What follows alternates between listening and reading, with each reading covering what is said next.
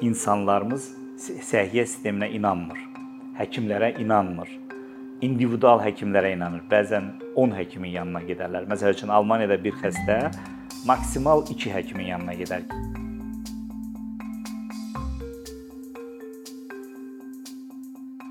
Niyə görə mən bu gün Avropada çalışıram, Azərbaycanda çalışmıram həkim kimi?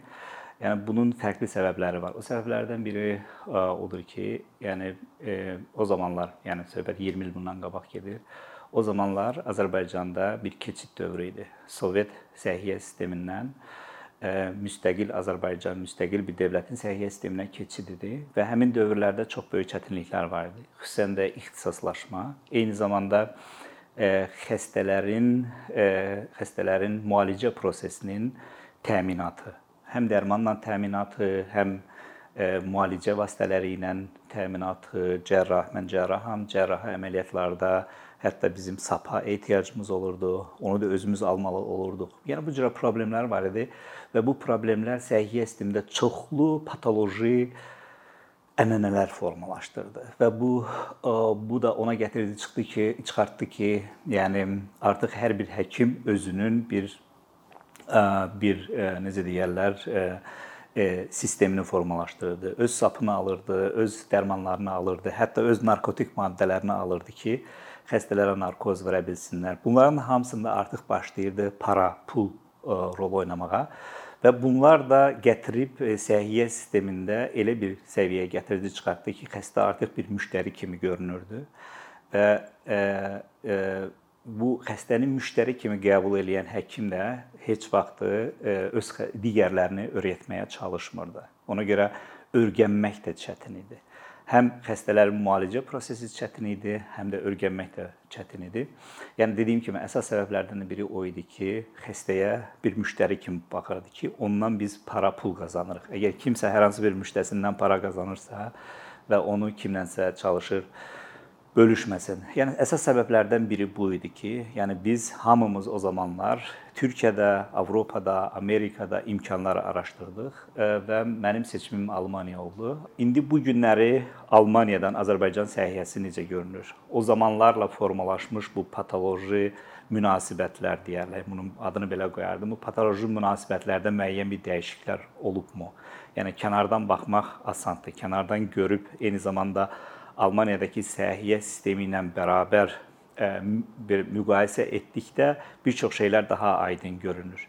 E, mən görürəm ki, bu bu yaxınlarda, bu günlərdə, bu son zamanlarda Azərbaycanda səhiyyə sistemində, xəstələrə xidmət sistemində e, dəyişikliklər, çox ciddi dəyişikliklər baş verir və bu ciddi dəyişikliklər ondan ibarətdir ki, icbari sığorta sistemi artıq formalaşıb və e, dostlarımla söhbətlərdə mənim çox belə geniş informasiyam yoxdur, amma dostlarımla, qohumlarımla söhbətlərdə mən gördüm ki, e, hətta qiyməti 7000, 10000 olan cərrahi əməliyyatlar tibbi sığorta tərəfindən ödənilir. Ona görə də mən burada mütləq vurğulamaq istəyirəm ki, son illərdə baş verən icbari sığorta ilə bağlı kiçik addımlar hə, hələ də e, tam ideal olmayacaq Almaniya səviyyəsində və yaxud da digər ölkələr, sosial ölkələr səviyyəsində ideal olmayacaq səviyyə səviyyədə olsa da elementləri var. Bu elementləri e, bu elementləri mütləq dəstəkləmək lazımdır. Mən bunu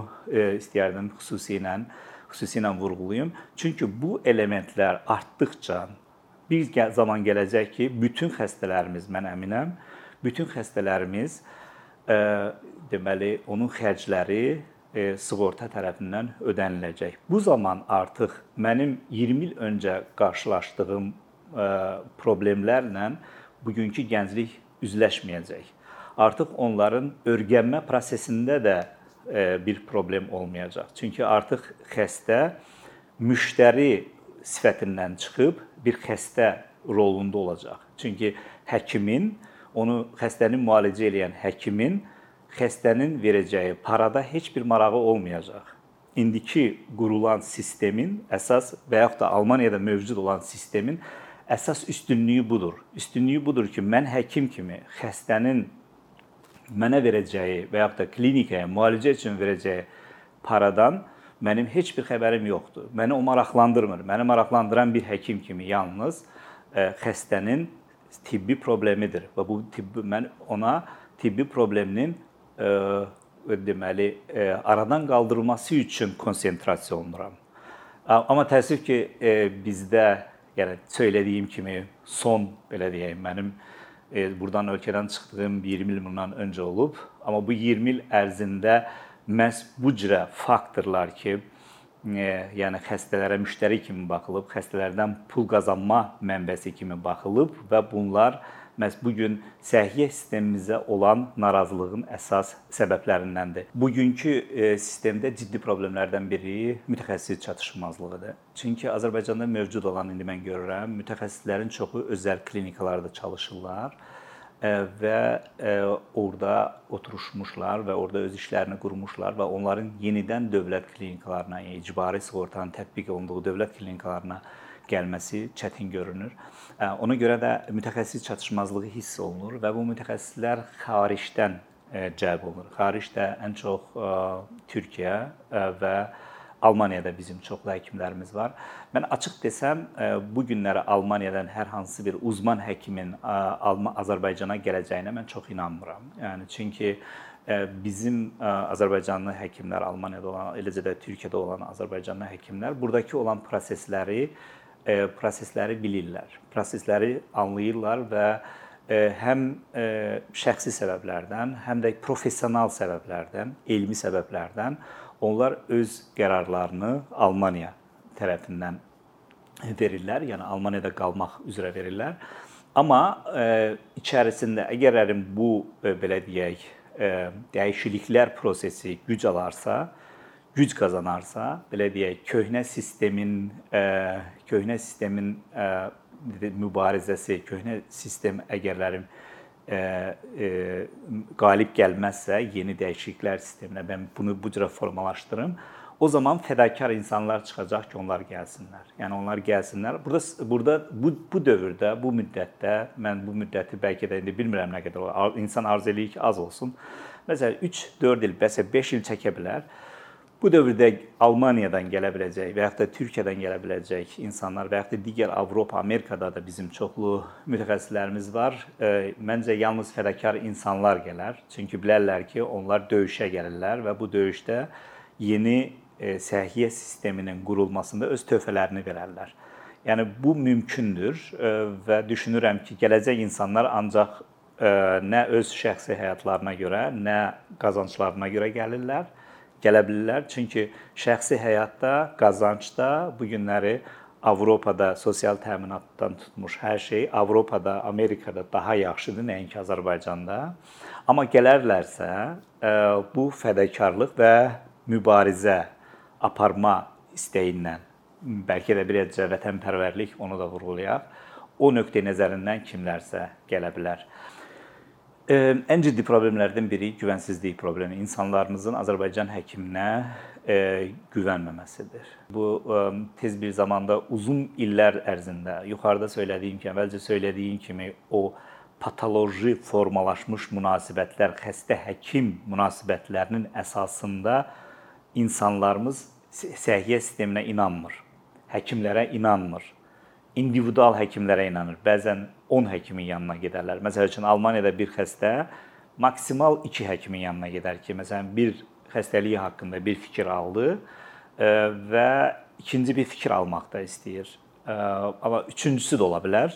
Amma 10 olmaz. Amma bəzən Azərbaycanda belədir ki, bir xəstə öz xəstəliyi haqqında bəlkə 10-15 yerdən e, deməli məsləhət alır E, buna onun haqqı var. Çünki inamsızlığı var. Yəni əgər xəstələrimiz, insanlarımız, xəstə insanlarımız belə düşünürlərsə, onların haqqı var. Onları ittiham etmək qətiyyən olmaz. Əgər onlar 10 nəfərin yanına gedirlərsə, deməli bunların nəsə ə, e, nəsə hələ tam əmin deyillər. Çox gözəl olardı ki, yalnız bir həkimin yanına getsinlər və burada məsələ gəlir eyni zamanda səhiyyə sisteminin üzərinə. Çünki səhiyyə sistemimiz də daha doğrusu daxilində olan o proseslərə, o proseslər də elə qurulmalıdır ki, xəstələrimiz verilən qərarlara inansınlar. Bunun üçün də ə, e, multidissiplinarlıq çox vacibdir. Məsəl üçün Almaniyada bir xərçəng xəstəsinin müalicəsinin qərarını verir xərçəng şurası. Bu xərçəng şurasında heç olmasa 10-15 nəfər oturur. Bu 15 nəfər ə, xəstənin bir nəfərin ə, müalicəsinin və müayinəsinin bütün etaplarını müzakirə eləyirlər və qərar verirlər. Adətən heç bir xəstə bu qərara şübhə etmir. Bax səbəblər məsəl üçün ediləsi işlərdən biri məhz bizim səhiyyə sistemində bundan ibarətdir ki, bu cürə şuraların Azərbaycanda tətbiqinə başlamaq. Bunun üçün də çox yaxşı imkanlar var, onlayn imkanlar.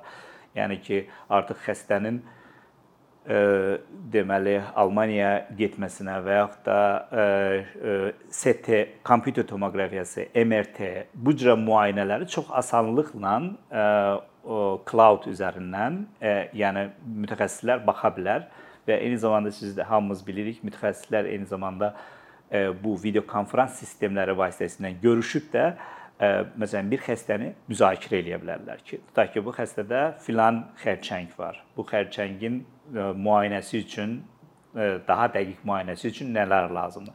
Hansı laboratoriya, hansı patoloji müayinələr, genetik müayinələr, molekulyar bioloji müayinələr və s. Bunlar hamısı müzakirə oluna bilər və o xəstə üçün bir necə deyirlər, yol xəritəsi verilə bilər. Məhz bunu tumor boardlar məsəl üçün eləyir. Eyni şeyi Azərbaycanda yavaş-yavaş tətbiq etməyə baş, başlamaq lazımdır. Məhz bu icbari sığortanın tətbiqi və burada baş verən proseslər növbəti e, dəyişiklikləri məhz bu sahələrdə etməyə imkan verir.